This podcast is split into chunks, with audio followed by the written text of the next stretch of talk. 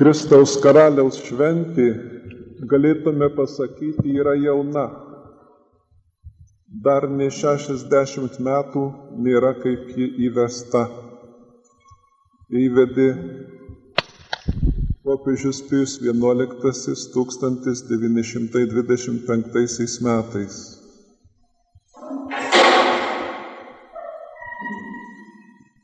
O štai naujausiuose kunigų poteriuose brevioriuje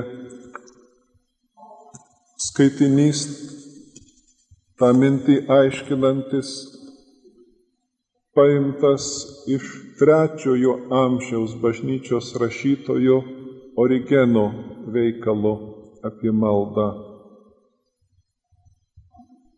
Matome, kaip bažnyčios dvasinėme lobynė didžios tiesos glūdi ilgiausius amžius,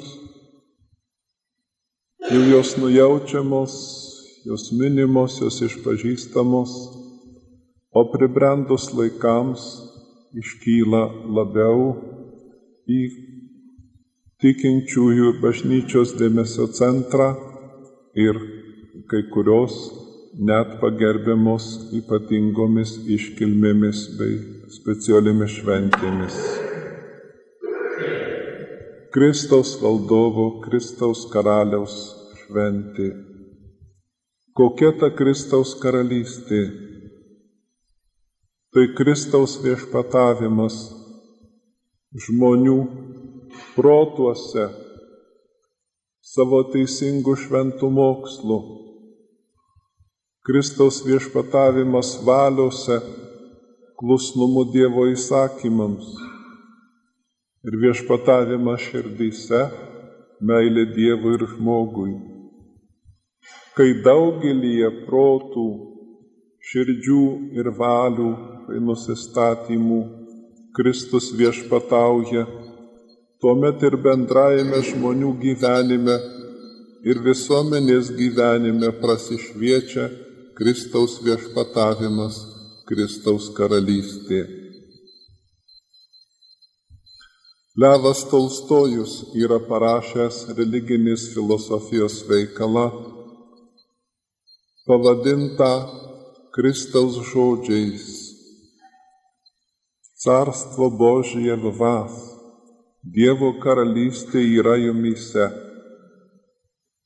Girdėjau iš savo bičiulių kitos respublikos, kitos tautybės ir gal jokio tikėjimo žmonių, kad šitai ir į juos prabyla. Jie supranta ir jų siela paliečia, kad Dievo karalystė būtent pirmiausiai mumyse širdyse, sielose. Ir tik iš žmonių vidaus gali spinduliuoti į išorę, daryti įtaką žmonijos gyvenimui, o ne pilietinė, civilinė ar karinė jėga ar kokia nors prievarta. Ką tad pasakė šią temą Origenas tas žymus bažnyčios pirmųjų amžių rašytojas. Jis gimęs prieš 1800 metų, 185 metais Egipte, persekiojimų metu nukankintas apie 253 Libane. Apie jį naujojoje lietuvių tarybinėje enciklopedijoje 8 tome įspausdintas 25 eilučių straipsnelis, kaip apie žymų senovės mąstytoje. Ta knygelė apie maldą, kurioje jis kalba Kristaus karalystės temu, tema, tai vienas iš bent šešių šimtų jo parašytų graikų kalba veikalų. Bent per lotinišką įvertimą, per kunigų maldų knygas pasiekia jo mintys ir mus dabar. Sunkiau mums prisikasti prie Tolstojaus religinių veikalų, nors jie paskelbti tik prieš 70-80 metų. bet labai būdima, kad jie neplistų. Taigi Origenas. Jis prisimena Kristaus žodžius. Dievo karalystė ateina nepastebimai. Niekas nepasakys, kad čia ar ten. Dievo karalystė todėl yra mumise, mūsų lūpose ir mūsų širdyse. Ir jis sako, gerai, teisingai, tvarkingai meldžiasi tas, kuris prašo kad jame esanti Dievo karalystė dar labiau ateitų į gyvenimą, tai yra ištobulėtų ir vaisių duotų. Jis sako, kiekviename šventame žmoguje Dievas viešpatauja, nes kiekvienas šventas žmogus vadovaujasi Dievo įstatymais, o Dievas gyvena jame kaip gerai tvarkomos valstybės valdovas. Yra jame, teisame žmoguje, Dievas tėvas, o draugė su tėvu viešpatauja tobuloje sieloje ir Kristus, kuris yra pasakęs ir užtikrinęs, mes ateisime pas jį ir apsigyvensime. Taip pat tas bažnyčios rašytojas ir tikėjimo kankinys Origenas nagrinė Šventojo Pauliaus posakį, kad Kristus nugalėsęs visus priešus ir tuomet perduosęs visatos viešpatavimą Dievui tėvui, kad Dievas būtų viskas visame kame. Ir tęsė, Dievo karalystė negali sugyventi su nuodėme kaip šviesa nedraugauja su tamsa, kaip teisybė nesibučiuoja su neteisybė. Todėl mums privaloma vidinė kova, įdant nuodėmė nebeviešpatautų mūsų mirtingame kūne. Turime mes tvardyti savo žemiškus polinkius, turime nepaisyti dažnai žemiško patogumo bei išskaičiavimų ir duoti šventosios dvasios veikimo vaisių, įdant viešpats Dievas lankytųsi mumyse, vaizdingai kalbant, it dvasinėme rojaus sode.